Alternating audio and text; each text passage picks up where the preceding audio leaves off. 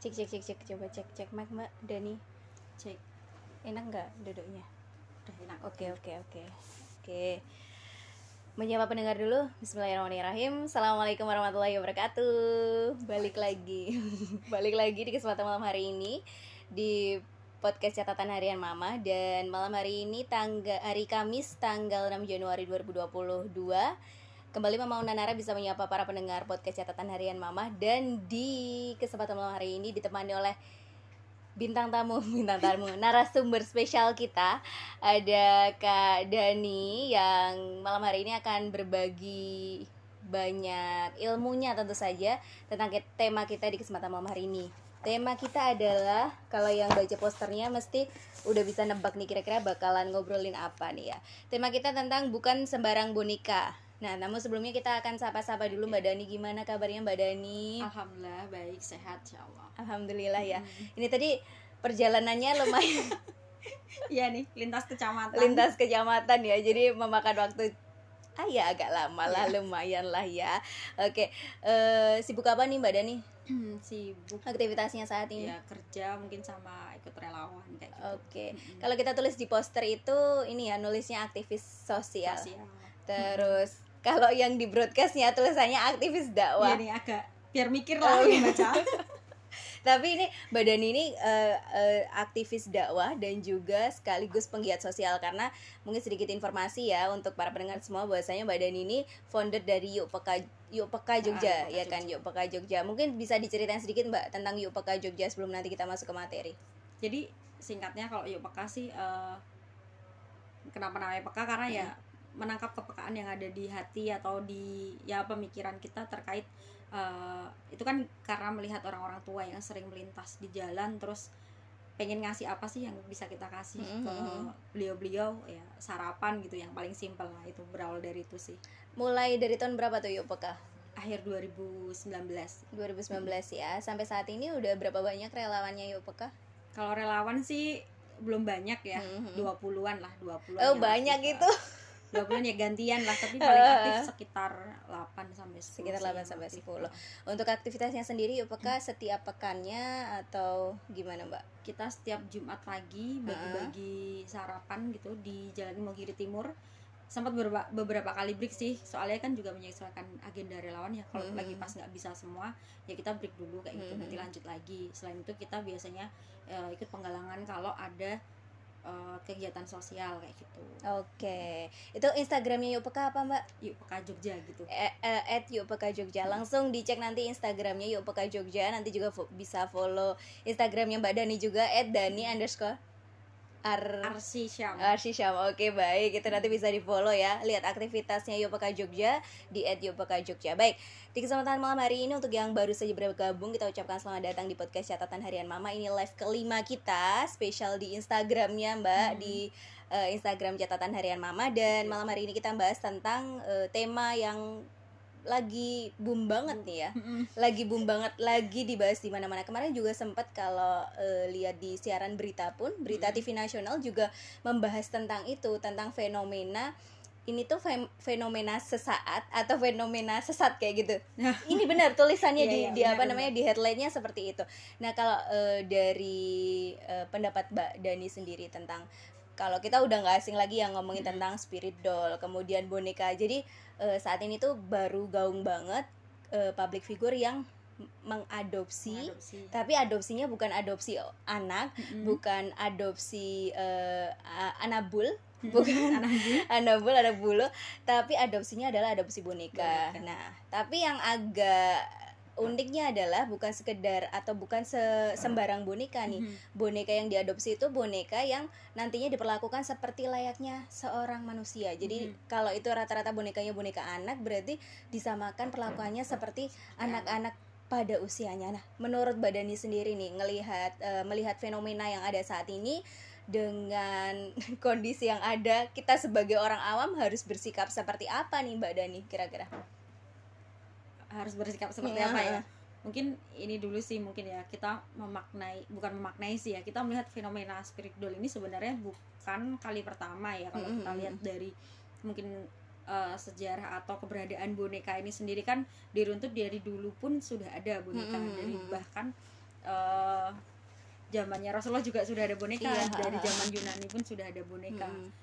Cuma di sini karena ada spirit spiritnya itu Ada jadi spirit-spiritnya. dolnya punya spirit tapi orangnya malah enggak gitu jadi gitu Eh, apa ya fenomena spirit doll ini sebenarnya kan di Indonesia juga punya banyak sejarah boneka ya seperti Oke, boneka ha, yang ada di Jakarta itu ada ondel-ondel Oh iya, Ondel-ondel sebenarnya ha. boneka Oh, kan oh, boneka Iya kan? juga. Mm-mm. bentuknya boneka terus ada gale-gale di Sumatera Utara Oh, gale-gale. Ah, Oke. terus ada eh, dia kayak perpaduan antara wayang dan boneka itu ada wayang golek Oh, wayang golek Ah, ya. wayang golek kan nggak gepeng ya Iya, 3D nggak, ya 3D. bentuknya ya.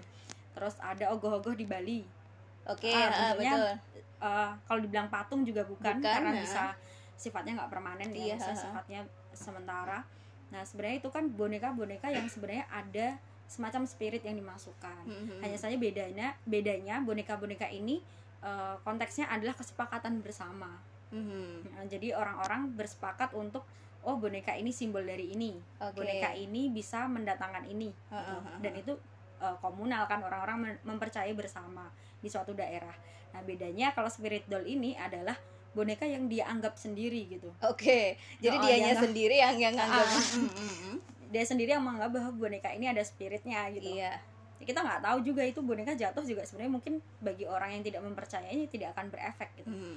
Kalau eh, jadi semacam e- efek placebo ya ketika misal artis X punya boneka eh, bayi terus kalau dia jatuhkan dia jadi sial ya nggak usah pakai boneka dia pakai batu aja dia bisa sial gitu Iya, kalau betul betul. kalau dia mempunyai sugesti atau kepercayaan seperti itu nah kalau kita menyikapinya gimana gitu kan kalau sebenarnya kemarin ada obrolan gitu sama teman Mhm. itu kayaknya dia sakit deh kalau kayak gitu Mhm. terus saya Kayak pancing kena kena kena gangguan jiwa karena kan Mhm. kemarin sempat juga eh, disandingkan dalam hal ini eh, ada seorang pendakwah maksudnya da- Mhm. eh, dai kemudian ada dokter kejiwaan juga yang Oh, iya, dihadirkan oh, untuk oh. memberikan eh, tanggapan terkait Tanggapan. fenomena ini kayak gitu. Kalau gimana Mbak tadi? Ya, jadi Kelanjutannya? ada kayak eh, saya pancing teman-teman untuk Mm-mm. berpikir lebih eh bukan berpikir lebih jauh ya maksudnya berpikir lebih jauh jadi eh, kayaknya dia sakit deh melihara eh melihara dia dia nyebutnya melihara soalnya terus masa mengadopsi eh, boneka, Boneka. eh, seperti itu Ah. dengan perlakuan seperti itu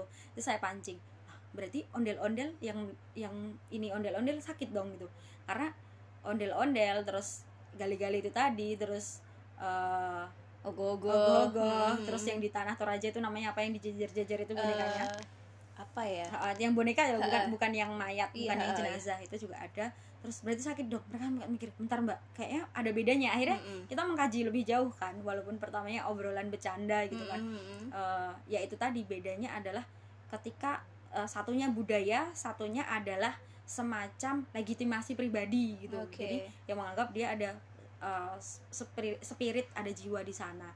Nah kalau kita secara personal mungkin kalau yang sebelumnya sudah semacam menjadi tradisi atau budaya yang itu kesepakatan bersama sedangkan spirit doll ini adalah pengakuan personal gitu yang itu sangat sulit dibuktikan eh, keberadaan Keber- si spiritnya itu Iya, oke. gitu kan jadi eh, kalau dibilang sakit atau enggak itu eh, ranahnya psikiater mungkin ya eh, spesialis jiwa Hmm. dokter spesialis jiwa cuma kita menyikapinya adalah ya apa ya dari pandangan Islam pun boneka saja harus kita perlakukan dengan tanda kutip hati-hatinya adalah tidak membuatnya dengan bentuk yang sangat mirip dengan manusia terus eh, meletakkannya juga maksudnya eh, bahkan kalau biasanya ngikutin kayak Ustaz. Faizar gitu Iya, matanya nggak ditutup, dipakai, ditutup. tutup, ditutup kain kayak gitu ya. karena nanti ditempatin spirit beneran Iya, tanda kutip jin iya, gitu ya betul.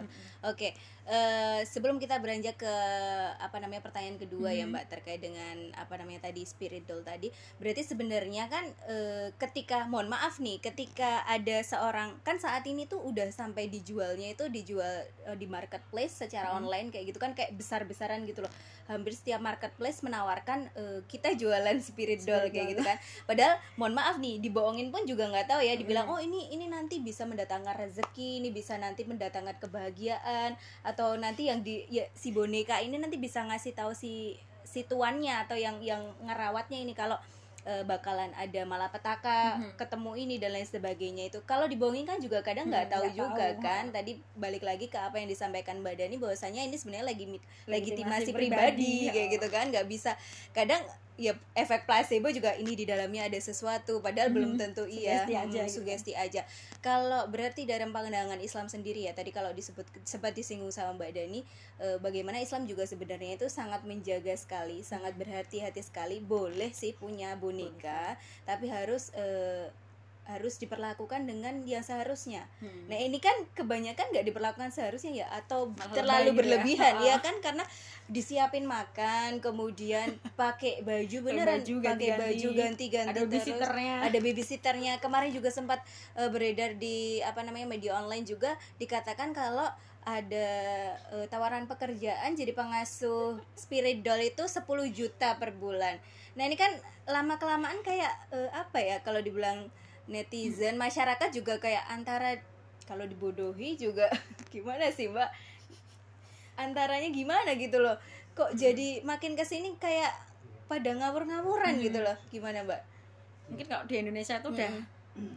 kalau saya melihatnya kayak sudah sesuatu yang apa ya latah budaya latah ya Mm. jadi ada apa ngikut ada Oke. apa ngikut Mm-mm. itu kan awalnya juga artis itu kayak getok tular ya dari Iya, satu betul. artis Ha, awalnya satu. itu di Thailand apa di mana gitu spirit dulu udah lama ya Mm-mm. Eh, maksudnya ini bukan fenomena baru tapi baru booming Baru booming di. Indonesia di ya Indonesia. kayaknya. Padahal sebenarnya di luar tuh mungkin sudah banyak dan eh, kalau bagi mereka ya biasa terserah mereka mau melihara apa meli- melihara apa ngadopsi apa saya larinya ke melihara terus ini karena wah mau dibilang adopsi itu kok agak gimana Bu.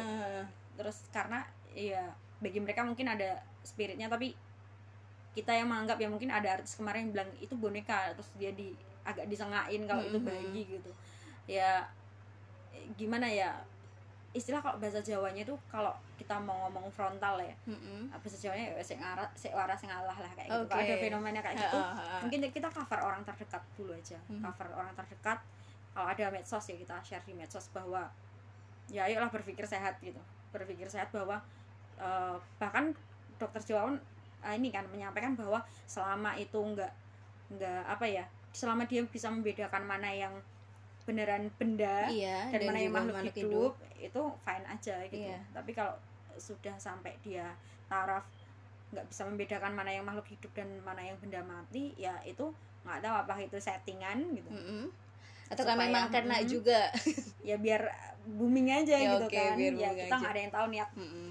Eh, si artis itu apa Betul. kayak gitu Tapi kan yang namanya public figure nih ya Mbak Dani, otomatis kalau tadi dikatakan kan cuma awalnya cuma satu orang, kemudian akhirnya getok tular, getok tular banyak banget Iya, yang iya. sekarang artis-artis itu ngikutin kayak gitu loh, ngikutin dan otomatis orang awam yang nggak paham sama sekali ya, yang mau Hmm. nggak mau kok wah ini baru tren ini, ini fenomena ah gitu, eh, nyoba eh, ah, gitu. ikut-ikut ah kayak gitu tuh.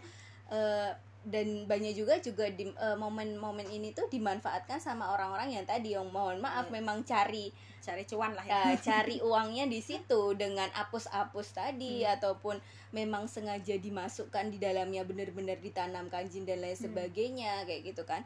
Kalau untuk kita masuk ke pertanyaan kedua terkait dengan spirit doll dan kalau eh, mereka banyak yang nganggep di situ tuh ada berkahnya. Di situ ketika melihara, ketika melihara ya ngomong lagi ya melihara, ketika ngadopsi kayak gitu, ketika punya itu eh, kamu bakalan kebanjiran rezeki nih. Mhm. atau kamu bakalan sukses nih atau eh, auramu jadi lebih kelihatan dan lain sebagainya. Respon mbak Dani sendiri gimana nih? Ngelihat ngelihat apa namanya eh, tanggapan tanggapannya seperti itu. Ini kan baru baru banget ya Ha, ha, fenomenanya kalau di Indonesia bisa jadi kalau dia mempercaya itu ya bisa jadi itu gitu. Karena apa ya di pernah pernah nonton video itu nggak sih ya? Di, di Secret yang ada seseorang yang jual batu. Mm-mm. jadi dia ke pedalaman anaknya lagi sakit keras terus ada seorang seorang lokal situ coba kasih batu ini ke anakmu kemudian Ponari anak- bukan sih? anak, anakmu sembuh. Bukan bukan ini di luar oh di luar negeri di Ponari Ponari juga ada sih iya gitu kan. Nah, ini kasih ke anakmu nanti sembuh namanya batu harapan gitu kan. Terus Mm. Ternyata eh, beneran anaknya ini sembuh. Akhirnya anak ini tuh dimintain tolong teman-temannya buat minta batu itu sedangkan batunya cuma satu. Akhirnya dia nyari batu lain terus sama dia cuma didoain aja didoain dengan kepercayaan dia ya. Ya nggak tahu agamanya apa di Heeh. videonya juga cuma merem gitu terus megang batunya terus batunya dibagikan. Dan itu orang-orang sembuh karena percaya ada kekuatan batu itu.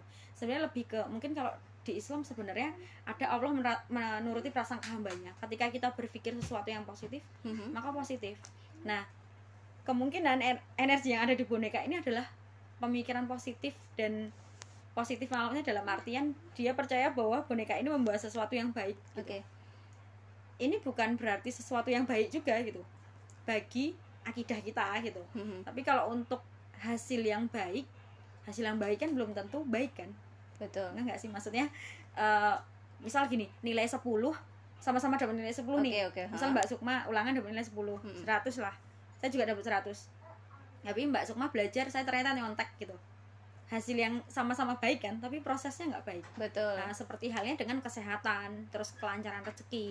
Yang satunya karena mempercayai sesuatu, yang satunya eh, ikhtiar dan tawakal kepada Allah gitu. Iya, bekerja yang lurus ya, pokoknya bener-bener kerjanya niat lillahi ta'ala. Kalau yang satunya mungkin, Mungkin kerjanya Positif thinking, saking positif thinkingnya karena udah sunatullah ya. Siapa yang berpositif eh, punya pemikiran yang positif, aura yang positif, masa dalam artian dia akan mengundang hal yang positif. Mhm. Tapi itu sunatullah bukan itu istilah orang kafir, orang yang nggak beriman, orang ateis pun Allah kasih gitu. Karena itu udah hu- hukum orang nyebutnya hukum eh, hukum alam ya kalau kita Iya. nyebutnya sunatullah gitu.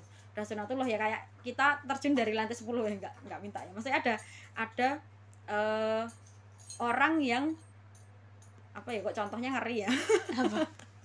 ada orang mencolot ke laut Mm. nggak bisa renang tenggelam nggak peduli kan dia Iya. agamanya apa aja Heeh. gitu Langsung Atau- kita tolongin lah. Enggak, maksudnya contoh gini mbak Eh, Ada orang terjun dari lantai 10 wis. Oke. Mau dia agamanya apa aja ya meninggal kan Atau cacat gitu kan Nggak, nggak peduli im- beriman atau enggak Iya, Nah, betul. sunatullah tuh kayak gitu bekerjanya Mhm, mhm. Contoh itu tadi Allah sudah menuliskan sunatullahnya bahwa orang yang berpositif thinking akan meng- mengundang hal positif dalam hidupnya. Mhm. Nah, dia memikirkan sesuatu yang positif melalui boneka gitu. Nah, sedangkan kita kan positif thinkingnya husnuzon ke Allah kayak gitu. Oke. Uh, jadi udah sunatullahnya tuh kayak gitu semua yang berpikir positif akan hadir yang positif dalam hidupnya tapi satunya satunya bener satunya salah caranya kayak gitu jadi kalaupun nanti terbukti ya "Hmm, ini aku makin banyak rezekinya Mm, dengan mm, mm, mm. punya boneka nih ya iya udah sunatullahnya gitu soalnya sunatullahnya adalah yaitu prasangka kita baik yang hadir baik gitu Oke. cuma satunya diletakkan didasarkan kepada benda yang orang beriman didasarkan kepada kepercayaan kepada Allah kayak gitu. Allah. Oke, berarti Mm-mm. tapi gawatnya mbak ketika ketika nanti apa namanya percaya sama sama apa namanya benda dalam hal Mhm. ini adalah boneka otomatis kan lama kelamaan tadi mbak Dani sempat menyampaikan di awal akidahnya yang bakalan lama kelamaan kan tergerus ya otomatis eh, nanti mengarah ke kesyirikan sendiri jelas Nah, itu Mbak, gimana nih caranya kalau udah ibarat kata nih ya, mungkin ya kita nggak nggak berharap, mungkin orang di sekeliling kita yang sudah terpengaruh Mhm. dalam artian dengan fenomena yang sesaat dan sesat ini, akhirnya untuk apa ya merubah haluannya lagi itu gimana caranya? Atau Eh, mungkin anu ya saya pernah dengar istilah dari ustadz apa malah motivator ya Mhm. ya kalau itu perbuatan salah nggak usah dihalus-haluskan bumbunya oke, eh, maksudnya contoh gini eh, LGBT lah Heeh. ya udah sebut aja LGBT nggak usah dibilang eh gini salah misal orang dengan ini ya orang dengan gangguan penyakit gangguan seksual ya udah sebut aja itu eh namanya itu atau orang mencuri ya mencuri kayak gitu Iya, heeh. orang zina ya zina jangan Iya. dibilang pacaran sehat kayak gitu Oke. ya kan Maksudnya Berarti ada- istilah-istilah eh, istilah-istilah halus yang sebenarnya itu eh, sama- mengecoh kayak eh, gitu eh, mengecoh ya. ya contoh kayak boneka ini kayak gitu kan kalau dilihat eh kalau teman-teman mau inilah searching searching aja di Google arti berhala apa Oke. Mm-mm. ini agak nikung ya agak oke nikung oke nggak apa-apa nggak apa-apa mbak. Nikungnya masih masih jelas masih masih. jelas ya agak nikung kenapa nyampe berhala kenapa Eh, coba deh kita lihat ciri-ciri berhala dengan spirit doll ini sangat mirip Oke gimana Oke. gimana? Berhala itu yang buat siapa berhala itu yang buat siapa Manusia. manusia Oke. spirit doll yang bikin siapa Manusia juga. oke berhala disembah biar ngapa orang-orang dulu Orang-orang dulu biar dapat kesehatan, Ah, mungkin dapat ya harta yang banyak dan lain sebagainya. Pokoknya kenikmatan kenikmatan lah. terus spirit doll ini di angkat diadopsi biar apa tadi katanya ya biar dapat bahagia biar Hmm, dapat ya. sehat iya sama ya sama plek Mm, mm, mm. jadi kalau bisa dibilang secara to the point ini pemberhalaan neo pemberhalaan lah pemberhalaan dalam pemberhalaan. bentuk baru kayak gitu oke jadi dia mendasarkan kebutuhan dan keinginannya itu ke sebuah benda yang sebenarnya itu buatan manusia juga yang itu itu kenapa dulu Arab di Arab itu dibilang jahil saking jahilnya dia bikin berhala dari tepung tuh oke oke ya oke. kan Ha, ha. dibuat patung dibuat patung terus tahu-tahu makanan di dapur habis ya udah Dimakan. diambil Mm. Hmm. nah kalau sekarang apa? Udahlah itu benda. Yang bikin manusia. Nggak tahu ya itu made in China apa made in Jerman apa made, Made- in mana di, gitu. di di apa namanya di Indonesia sendiri ada di oh da- ada ya? eh, di, mana? Di Jawa Barat. Iya kayaknya di Jawa Barat bener. Ini yang bikin pabriknya siapa sih ini? Jangan-jangan ada misi juga ya am- ada misi di belakangnya juga ya ini. Ah, ya itu Iya. makanya. Apa namanya?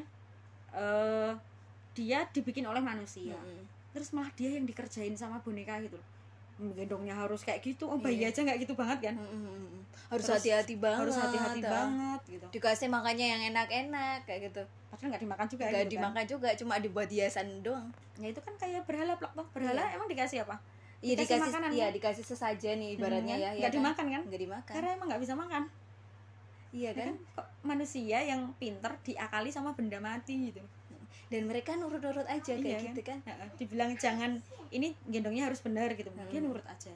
Terus ini eh, pakaiannya harus kayak gini. Terus yang ini harus diletakkan di sini. Kalau dulu mungkin orang-orang tuh ada ini ya keris atau apa Oke, kayak gitu. oh ini setiap malam ini harus Hmm, dimandiin. dimandiin gitu. tiap hari apa harus diapain Iya. kayak gitu kan.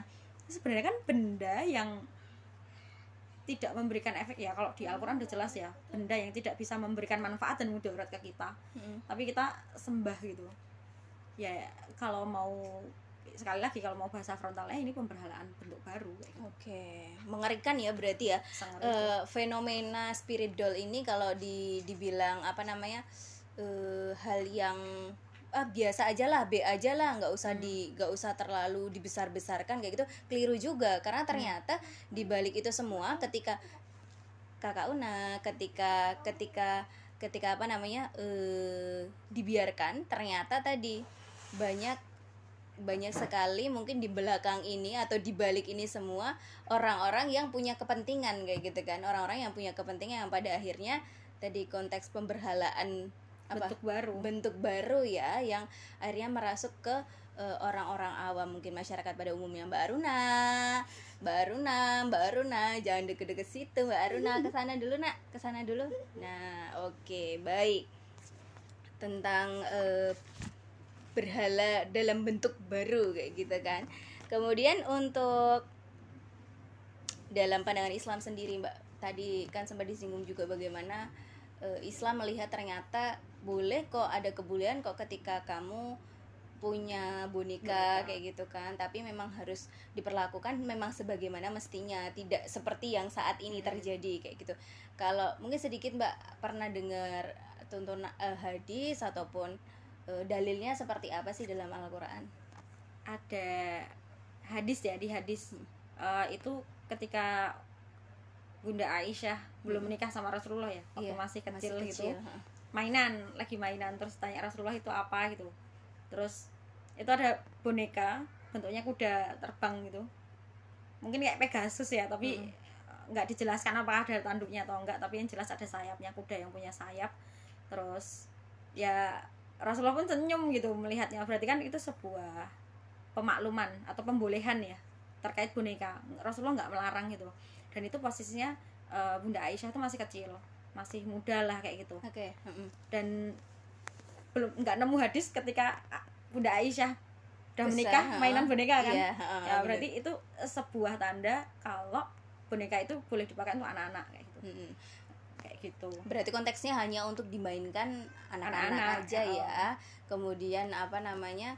Khususnya anak perempuan anak kayak gitu perempuan, kan, anak oh, perempuan. laki-laki yo mainnya apalah mobil-mobilan apa kok boneka kok serem ya iya, tapi sekarang banyak yang ngoleksi itu loh. Apa namanya? eh, laki-laki loh, laki-laki dewasa ya. Alasannya ya itu tadi daripada iya, iya. ya kan daripada maksudnya karena posisinya belum menikah kemudian daripada kalau ngurusin anak orang kan agak ribet Oh, alasannya gitu kayak gitu kan. jadi mending bisa pup bisa iya, nangis gitu. kalau yang ini kan lebih gampang kayak gitu perawatannya tapi juga ya tadi jadi kan agak apa ya rancu gitu loh pemikirannya kan ya ini ya apa ya saya nggak tahu ya ini tren ini tuh sebenarnya kan udah agak lama ya kayak artis yang sebelumnya kita nggak sebut nama lah ya iya apa ya. Jadi kan artis yang booming ini sebenarnya tahu dari artis-artis sebelumnya. Iya jadi betul sebenarnya mereka tuh udah punya boneka ini tapi nggak diekspos. Betul. Dan mereka ya cuma buat foto-foto aja ternyata. Karena saking saya nggak follow artis-artis ya ternyata tuh artis lain tuh jauh lebih Sebelumnya lama udah, mm. foto sama si boneka itu. Tapi gara-gara satu artis ini yang sampai bentak-bentak temennya gara-gara gendongnya salah itu kan langsung viral ya. Mm-mm. langsung viral jadi sebenarnya jangan-jangan mereka itu kayak semacam ayo kita gimana ya? Ayo kita nyembah berhala bareng. Gimana Oke. sih maksudnya? Eh, kemungkinan sih itu kayak yang dibilang Mbak Sukma tadi. Mungkin ada misi ya. Mm-mm. kita nggak tahu siapa sih yang bawa ini pertama kali ke Indonesia kayak itu dan memperkenalkan ke artis-artis. Ya mungkin sasarannya artis karena bisa membeli dengan harga mahal Betul, gitu kan kita ya mending iya beli sampai berapa beras iya gitu. berapa berapa juta serius itu mbak jadi harganya tuh mahal dan harga segitu maksudnya Hmm. harga yang fantastis ya kalau untuk takaran orang yo Beli daripada boneka. daripada beli boneka mending beli kebutuhan pokok kayak gitu kan ya minyak woi saya larang kayak gitu ibu-ibu sekarang aja Iya. anaknya minta mobil-mobil nice kecer di toko aja iya itu masih mikir-mikir ya, biar nggak biar nggak beli. biar nggak beli nah ini harga segitu tapi juga karena tadi ada kisah-kisah yang diselipkan di dalamnya katanya ini di dalamnya ada arwah mungkin arwah Oh si yang ada- anak, ada arwah iya, anak-anak arwah gitu. anak-anak yang memang nggak bisa sampai ke alamnya kayak Hmm. gitu kan daripada dia cuma apa sih istilahnya bukan gentayangan ya Hmm. mungkin kalau bahasa kasarnya bilangnya gentayangan di alam dunia ini lebih baik di, Masukkan ke dimasukkan ke, boneka. situ ke boneka dan nanti dia juga akan lebih bahagia. Jadi paling nggak ketika membeli itu juga ngebantu arwah-arwah gentayangan. Nah kan ini kan aneh kan ya mbak ya? Gimana? Padahal ngeri loh boneka. Iya makanya. Nanti kalau tiba-tiba malam gerak-gerak sendiri dia minta makan sendiri ayo mengerikan kayak gitu. Aduh ya Allah. Dan kalau eh, di circle-nya Mbak Dani sendiri ba banyak nggak yang lagi ngebahas tentang topik kita ini lumayan banyak sih ya kayak Hmm. tadi yang dibilang saya pancing untuk mereka bilang mereka malah udah bilang ini fix sih sakit ini terus tak Hmm. bilang lah berarti boneka-boneka yang melihara meli- melihara lagi ini emang Yang temen punya, ya. satu ini lama-lama yang punya boneka-boneka ini berarti sakit dong yang dulu-dulu ya, kayak Jak apa di Jakarta ada ondel-ondel dan Hmm. lain-lain itu ada ogoh-ogoh gitu itu sakit dong terus mereka kayaknya beda deh mbak gitu kan. Terus ternyata eh, ini bukan bilang boneka yang ini ya. Mm-mm. terus akhirnya kita bahas kan ayo kita lihat sejarahnya itu kan. Ini kan untuk apa dulu? Dan ya itu tadi komunal bentuknya. Karena nggak bisa terlepas ya manusia ini kan makhluk simbolik. Betul. Makhluk simbolik yang butuh eh, sebuah simbol untuk mengaktualisasikan diri ya. Mengaktualisasikan diri terus untuk mencerminkan budaya sebuah daerah kayak gitu kan macam-macam ya. Eh, jadi ya nggak bisa terlepas dari itu. Mungkin mereka ini juga sebuah aktualisasi diri yang nggak pernah tersampaikan. Akhirnya ya itu ngadopsi boneka yang sebenarnya agak konyol ya. Kalau menurut saya kenapa konyol? Walaupun setiap kita punya keinginan masing-masing ya kita eh, berhak eh, memiliki sesuatu dan memilih sesuatu untuk menjadi apa bahkan mungkin Rasulullah pun kalau punya barang-barang dikasih nama ya. Iya. Tapi kan nggak selebay ini ya. Ini udah dalam- lebay banget kayaknya ya. Iya makanya ini ngerinya itu ya nggak umum gitu loh. Kalau orang Jawa bilang kan orang umum loh. Masa ya boneka sampai segitunya gitu. Kalau dan ini dimiliki secara personal gitu. Makanya kita nggak tahu sekali lagi apakah dia takutnya orang yang nggak paham ini niru-niru iya. sampai ke bawah beneran. Padahal ya artis ini cuma pengen gimmick aja ya kalau gimmick aja gimmick terus aja. pengen tenar aja Heeh. gitu itu yang ngeri di situ sih mungkin makanya kalau saya menyarankan mungkin dari circle terdekat kita dulu yang Mm-mm. kita jaga gitu karena ya nek dibilang mereka influencer sekali ngomong jutaan orang Betul. denger nah, kita kan follower IG cuma berapa Mm-mm. tetangga juga skupnya kita ngomong juga paling batasannya se RT gitu kan jadi kita jaga sekitar kita karena ya itu tadi kalau pendidikan agama sih yang penting. Kalau mereka tahu bahwa ini sesuatu yang dilarang dan termasuk mungkin Allah alam apakah ini masuk dosa besar bisa jadi mereka nggak akan melakukan itu ketika Betul. udah tahu gitu kan. Apalagi udah masuknya ke kesyirikan tuh udah jelas dosa besar kayak gitu. E, menggantungkan suatu keinginan kepada selain Allah gitu kan.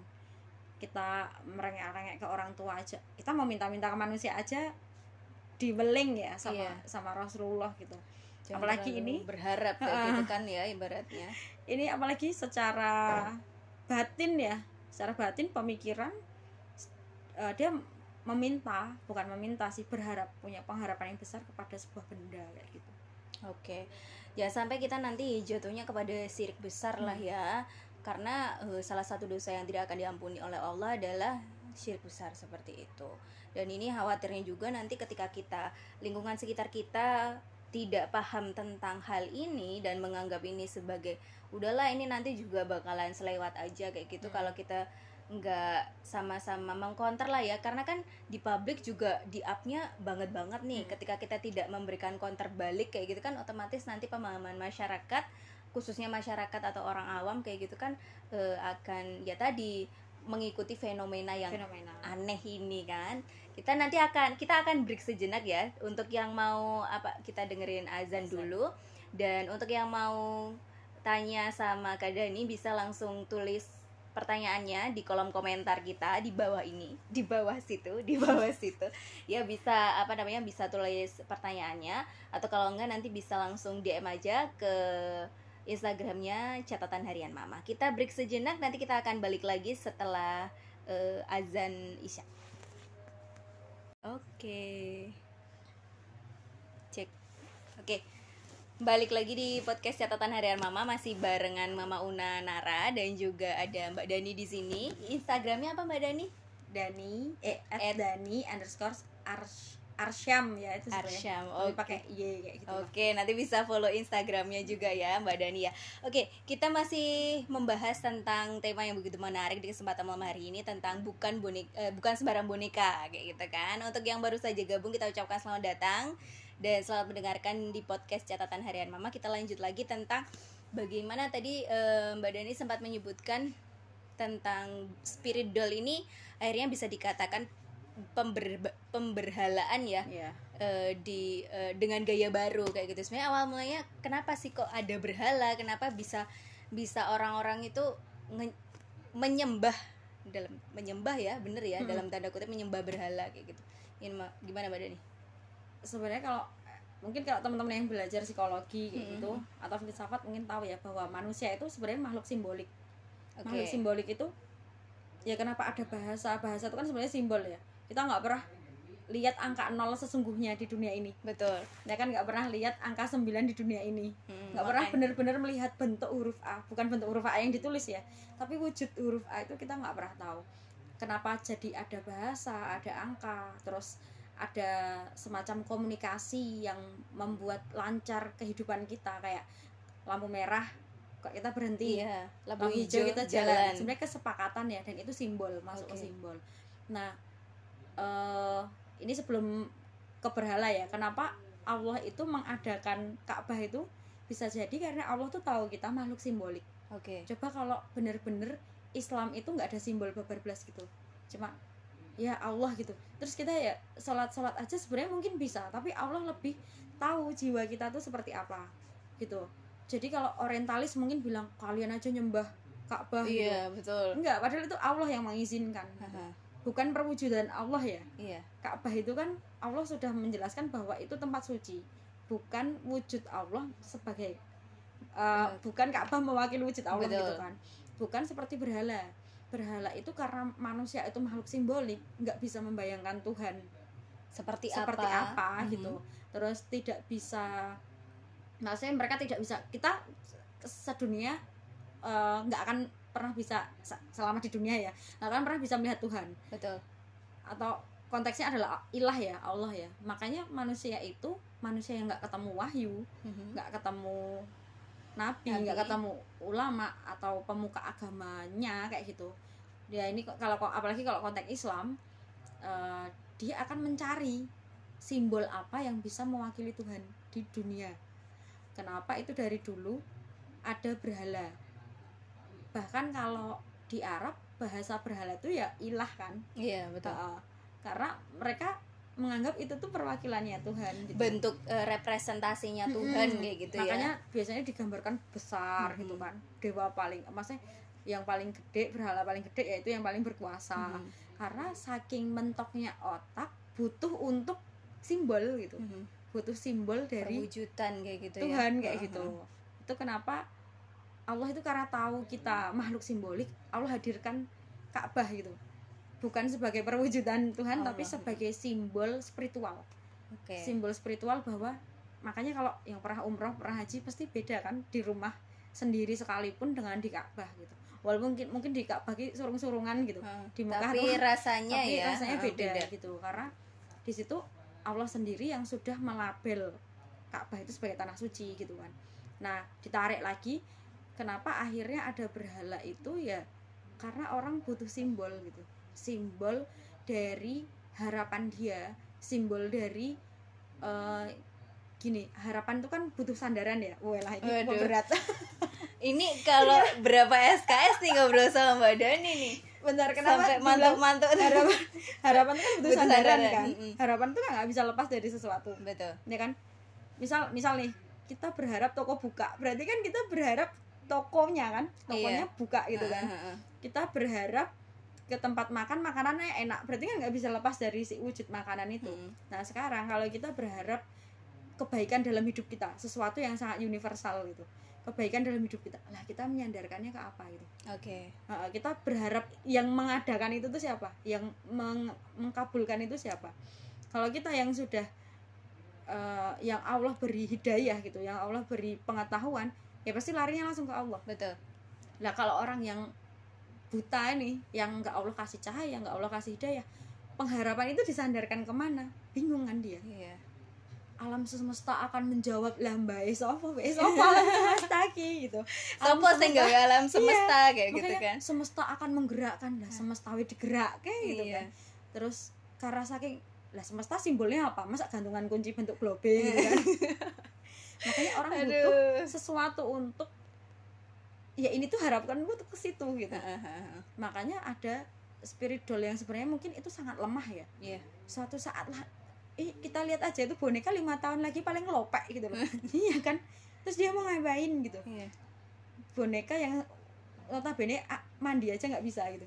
Memandikan dirinya aja nggak bisa dia berharap ke situ gitu pasti kosong nanti Hmm. pasti akan kosong walaupun di awal-awal seperti yang bilang tadi karena dia sugestinya positif terus dia jadi mungkin dia lihat boneka itu wah itu harapanku Iya. aku bakal beliin dia baju baru karena gitu. semakin baik kita ngerawat itu boneka nanti sem- eh, feedbacknya ke kita yang yang mel- melihara lagi kan yang ngadopsi kayak gitu Lebih. kan Eh, nanti lebih-lebih dapatnya Lebih-lebih. lebih-lebih baiknya Hmm. kan ngeri ya ya seng, ya apa ya maksudnya eh, dia meletakkan harapannya itu pada benda mati gitu Mm-mm. yang dia sebut baby gitu dikasih Gitu. nama juga Hmm, ya, Dikasih ya dikasih nama. nggak Iya, masalah sih nggak masalah ya karena tapi sikapnya terlalu berlebihan Oh, tadi ya yang gitu. jadi masalah gitu sih mbak jadi simbol itu tadi karena eh, apa ya mungkin dia butuh aktualisasi diri terkait simbol dari harapan dia harus sandarkan ke mana kalau saya melihat sih itu bukti bahwa dia itu eh, bukti bahwa dia belum kenal Allah gitu. Mm-mm. belum tahu Allah ada di mana. Maksudnya dalam artian bukan di mana sebagai wujud Allah di mana tapi eh, tempat Allah di mana dalam hidupnya itu. Sebagai apa dalam hidupnya tuh dia belum kenal kayak gitu. Makanya sebenarnya saya kasihan banget ketika lihat fenomena seperti itu dan dia eh, meletakkan boneka ini sebagai sesuatu yang sangat sakral dalam hidupnya gitu sebenarnya kasihan sih makanya Iya. pas temen bilang sakit ya ya kayaknya iya sih gitu kan kayaknya iya nih cenderung cenderungnya Ah. iya tapi nggak tahu kan ternyata dia biar tenar Betul. gimmick atau gimana nggak tahu gitu sih mbak Oke, berarti spirit doll eh, nanti la- larinya adalah sebagai sandaran tadi ya ketika kita Hmm. tidak tahu ke mana arah pengharapan kita, ketika kita tidak tahu tujuan untuk ibaratnya nek jaluk opo-opo ki karo sopo saking bingungnya kayak gitu kan. Saking bingungnya dia nggak punya Allah sebagai pegangan Allah sebagai sandaran maka dia menyandarkan sesuatu kepada ya yang saat ini lagi boom itu adalah spirit doll tadi ya. kalau tadi balik ke masalah di Indonesia juga banyak kalau eh, tentang boneka-boneka juga dari sisi kebudayaan pun banyak ya. Tadi Hmm. mbak mbak apa mbak Dani sempat singgung di Jakarta ada ondel-ondel ada ogoh-ogoh kemudian Gale-gale. ada gale-gale Oh. pokoknya banyak banget dan itu adalah sifatnya simbol kebudayaan mungkin mbak sebelum nanti kita ke segmen terakhir untuk ini sih untuk masyarakat umum sih ya pesan yang mau mbak Dani sampaikan nih khususnya untuk teman-teman yang mungkin saat ini baru mendengarkan podcast catatan harian mama dan juga mungkin baru pertama kali nih dengar tentang spirit doll ini gimana nih mbak mungkin pesan yang akan disampaikan pesannya ini ya ilmu sih. Oke. ilmu baik itu ilmu agama ataupun ilmu terkait prinsip dalam hidup sih. Jadi eh, kalau saya lihat kayak fenomena apa pun masuk di Indonesia tuh bakal terkenal gitu. Mm-mm. apalah mulai dari makanan budaya luar negeri terus sampai ke spiritual bahkan ya. Itu gampang banget booming di Indonesia. Eh, kalau kata almarhum bapak saya gitu kan Indonesia itu latah gitu gampang banget. Latah kita susah dijajah dengan kekerasan ya. Susah banget. Bahkan kita bisa menang ya karena rahmat Allah ya. Eh, kita bisa menang dari penjajahan yang notabene secara alutsista pun kita kalah jauh. Ah. mereka pakai senjata kita masih pakai bambu kita kayak bambu, bambu runcing gitu. Nah, kita bisa menang tapi ketika dijajah pemikiran gitu pemikirannya itu lemah banget. Mulai dari mungkin eh, apa ya pergaulan antara anak muda yang Indonesia itu nilai timurnya sangat tinggi lama-lama kita ke barat-baratan. Betul. Terus eh, mulai dari makanan ya kita banyak banget kok makanan sebenarnya yang lebih jauh lebih enak atau ya kalau rasa relatif ya. Cuma kita punya makanan yang juga enak gitu tapi orang-orang lebih kenal dengan makanan luar gitu. Coba contoh ya contoh ini yang saya anggap lucu gitu. Orang jualan klepon biasa aja. Hah. Tapi orang jualan topoki. Wah. Oh oke benar bisa Makanan. semangkok berapa puluh ribu. padahal itu kan intinya tepung beras tepung beras tepung ketan gitu kan. iya sama aja ya. Heeh. malah kita kuahnya di dalam kalau klepon. Itu udah dari budaya yang makanan aja lah. Makanan kan juga produk budaya ya. Betul. Eh, yang nggak salah sih kalau budaya luar masuk Indonesia nggak masalah gitu. Cuma jadinya kita latahnya itu tadi. Terus budaya apalagi sih musik juga banyak yang akhirnya kita latah dengan banyak hal lah kayak gitu. Termasuk ini spiritual kita juga latah banget gitu. Tanpa kita tahu hal-hal apa termasuk gini ya ini ini untuk orang-orang muslim kan ya Iya, podcast betul. ini. Ya, ini yang paling penting. Ternyata syahadat kita tuh bisa batal. Karena itu tadi ya. Karena banyak hal. Termasuk salah satunya adalah kesyirikan terutama gitu. Betul. Jangankan kesyirikan ya eh, kita tasyabuh yang terlalu tasyabuh mengikuti budaya lain yang terlalu larut itu syahadat kita bisa batal gitu jangan kita yang ngeri itu saya saya pas tahu tentang syahadat bisa batal itu akhirnya saya syahadat ulang itu SMA Oke, karena Gara-gara ya. khawatirnya jangan-jangan Iya. jangan-jangan selama ini kita kita sudah Sholat, eh, udah puasa. sholat, udah puasa, udah mengerjakan semuanya ternyata ternyata nggak kita kepakai. tidak terregistrasi sebagai muslim Iya, gitu karena Sadatnya tanpa disadari batal Mm-mm. tadi ya. Oke, jadi Mbak, itu sih ilmu. Jadi paling penting ilmu karena satu langkah kecil kita gitu. Karena tujuan hidup kita mau ke akhirat kan. Betul. ya kalau nggak percaya ke akhirat ya percuma dari tadi dengerin. Maksudnya dari dari awal kalau nggak percaya hari akhir akhirat gitu. Tapi, tapi kalau kita sebagai muslim yang baik insya Allah harus percaya gitu kan. Tujuan kita mau ke sana kan.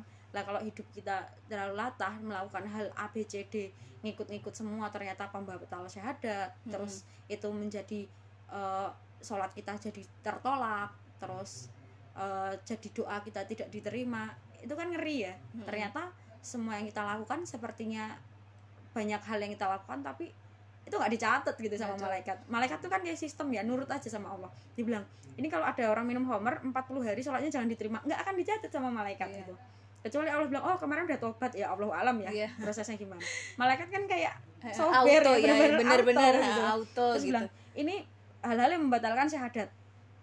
Ya nggak nggak Allah suruh aja kalau oh ini terus gini ki batal ki syahadatnya. Berarti besoknya lagi sholat. Ah tapi kan syahadatnya batal gitu kan. Iya, sholatnya gimana gitu kan? eh, by system gitu auto gitu. Terus jadi kalau kita bilang kita punya sistem software dan lain-lain Allah lebih canggih gitu Betul. kan nggak kelihatan malah kan. Jadi eh, kita mesti itu sih belajar ilmu. Ilmu kalau kita udah belajar apa sih kita sebagai Islam apa yang harus kita lakukan dan nggak boleh yang dilakukan.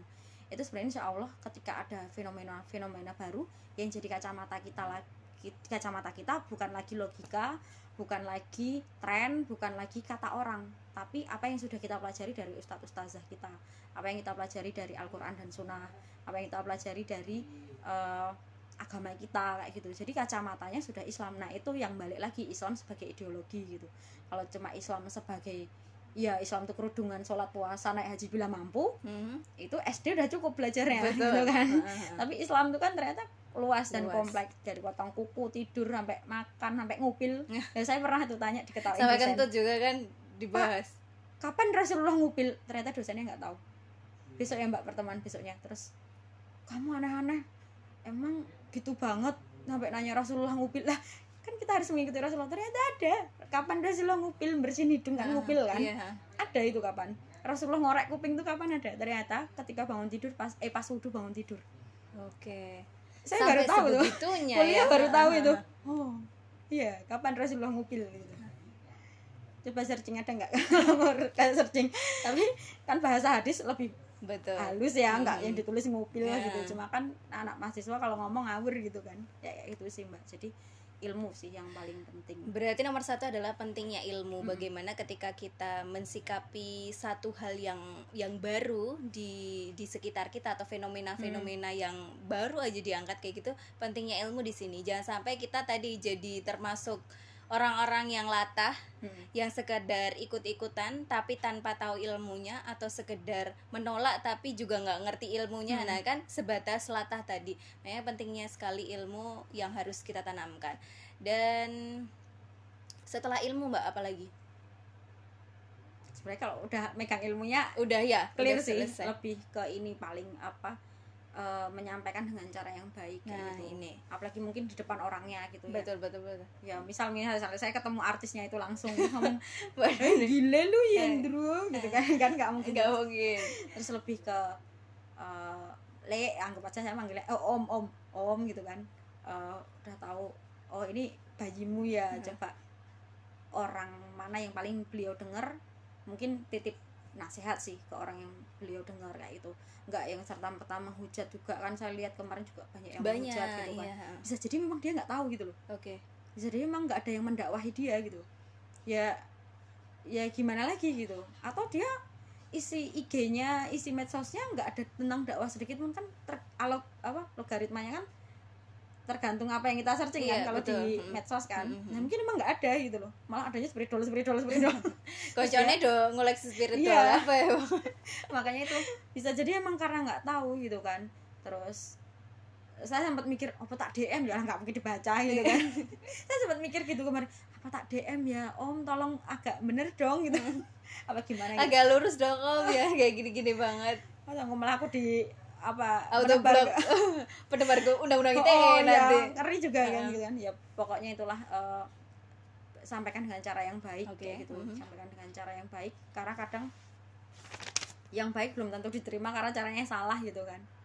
Yaitu ilmu terus eh, apa namanya menyampaikan dengan cara yang baik. Terus oh nah, kalau buat anak-anak muda sih Hmm. lebih baik eh, tanyakan kepada yang ahli. Ahli dalam artian kalau ini dirasa men- nyerempet ilmu agama langsung tanyakan ke ustadz ustazah gitu. Jangan tanya ke boleh sih ke Google tapi pastikan sumbernya bener gitu ya. Nanti dia searchingnya juga apakah boleh mengkoleksi Spirit spirit dolls ya pokoknya ya terserah Boleh. kamu atau boleh kayak gitu kan. Jadi makanya tanyakan kepada ustadz ustazah Heeh. sih. Apalagi kalau misal eh, konteksnya di sini kan Islam ya. Kalau memang Islam sebagai pandangan hidup kepentok masalah apa aja tanyanya ke fikih tanyanya ke ustadz ustazah gitu maksudnya fikihnya gimana ini kayak Oke. gitu jadi misal kayak nemu uang nanti harus diapakan Oh, uangnya harus iya, seperti eh, apa kayak kan gitu. ya ini tanya ke yang tahu mungkin ke baitul mal terdekat kayak gitu atau kalau polisi kan pandangan hukum ya bukan Iya. pandangan Islam mana tahu kalau Islam malah boleh gitu kan Mm. ada sekian persen nanti yang yang harus atau oh, gitu. kalau emang udah nggak mentok nggak ada yang ngaku uangnya punya siapa gitu. Jadi banyak hal-hal yang eh, kayak makanan lah mungkin bagi kesehatan itu nggak boleh. Atau terbalik ya bagi kesehatan boleh tapi di Islam nggak boleh kayak Mm. gitu. Jadi ya lebih ke kalau memang Islam sebagai pandang hidup tanyakan kepada il- ahli ilmu agama kayak gitu. Iya. Tia Naraya. Naraya mau ikutan bikin podcast. Tanyakan kepada ahlinya ya. Jangan sampai kepada ahlinya itu yang ahli-ahli. Kan soalnya banyak nih Mbak sebelum sebelum nanti kita closing. Kan dari tadi sebelum closing-closing terus ya.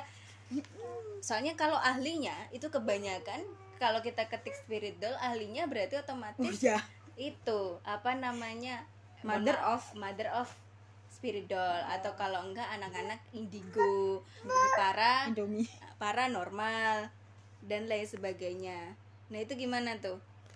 Ahlinya ilmu agama aja sih. Kalau Ahlinya kalau ilmu Islam agama. sebagai Hmm. ideologi kita ya. Kalau memang Islam sudah sebagai ideologi kita apa pun masalahnya tanyakan ke ilmu agama.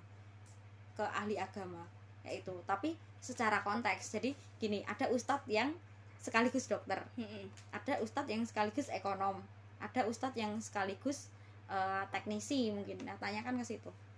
Jadi mungkin ya kayak salah satunya dokter walaupun sekarang gelar dokternya udah nggak dipakai ya kayak dokter Zaidul Akbar. Iya, betul. kalau di Jogja mungkin ada dokter Sagiran kayak gitu Betul, kan maksudnya beliau juga ahli di bidang bedah di bidang kesehatan tapi juga memahami fikih-fikih kayak gitu. Terus kalau ekonom itu juga ada ustadz-ustadz yang lain ya kayak kalau di Jakarta mungkin ada Ustadz Safi Antonio yang termasuk juga dulu kalau nggak salah eh, penasehat eh apa bagian dari MUI juga. Jadi kalau ke MUI kan kita kejauhan ya. MUI kan lengkap ya Iya, diambil ustadznya itu ulamanya itu bukan mung ustadz sing setahun dua tahun mondok Iya, bener-bener ulama yang memang sudah bisa mengeluarkan fatwa gitu dan boleh mengeluarkan fatwa. Tapi kan kejauhan ya dan kita nggak ada yang kenal lagi gitu kan. Makanya kita nanya yang ustadz terdekat yang dirasa paham dengan bidang yang bersinggungan kayak gitu. Oke Mbak Aruna tidak boleh lewat-lewat. Eh, biar biarin aja adiknya. Iya. atau lewatnya agak merunduk Mbak Una cukup kok lewat belakang jangan jangan lewat belakang lewat depan lewat, lewat depan, tapi, agak merunduk gitu merunduk Kayak nah ini mbak mbak Dani jadi Mhm. keistimewaannya dibuat ke catatan harian mama Mhm. mesti Oh ada iya, iklannya oh ya nggak apa-apa Iya, gitu mesti, ya mesti ada iklannya iklannya mana anak saya anak-anak saya awas acara ini Iya. didukung acara ini didukung oleh Eh, didukung. Naraya Naraya sama dan Aruna. Aruna. Baik, oke.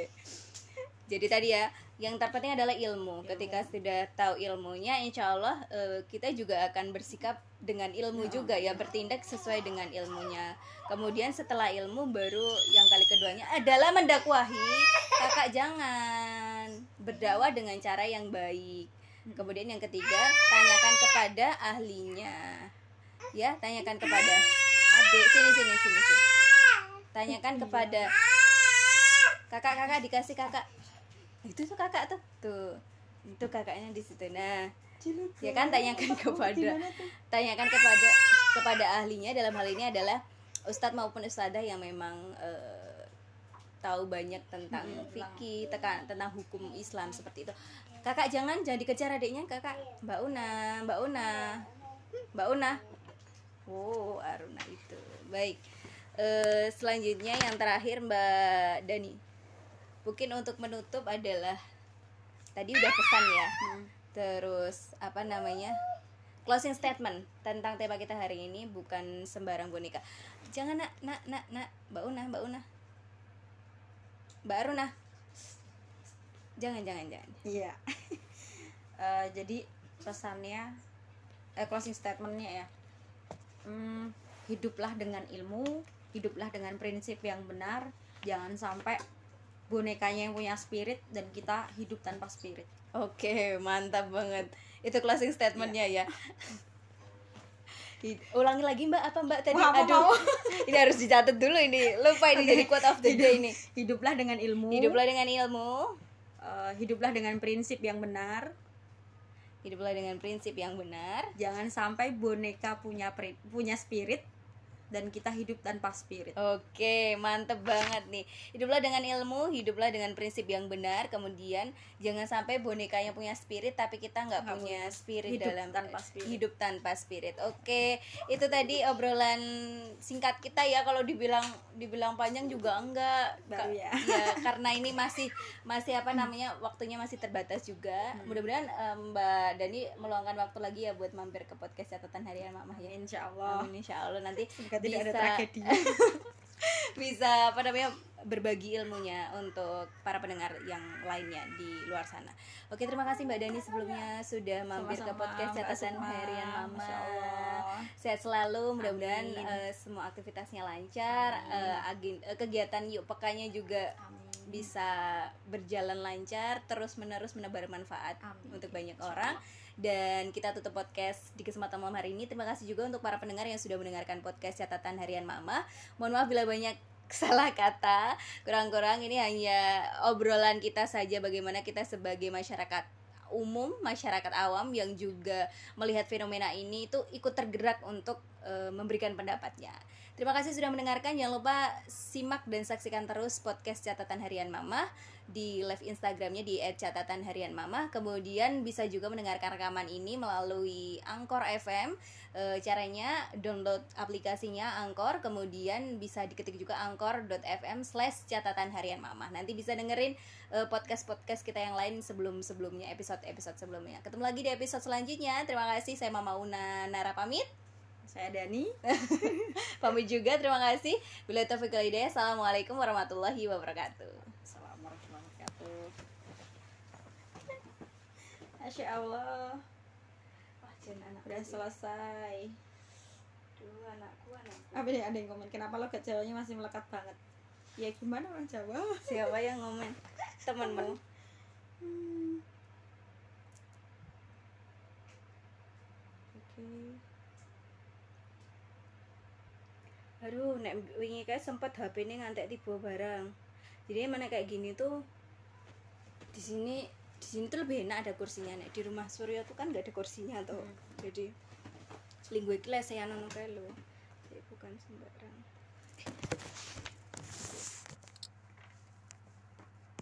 kayak ekspresiku komisar Karena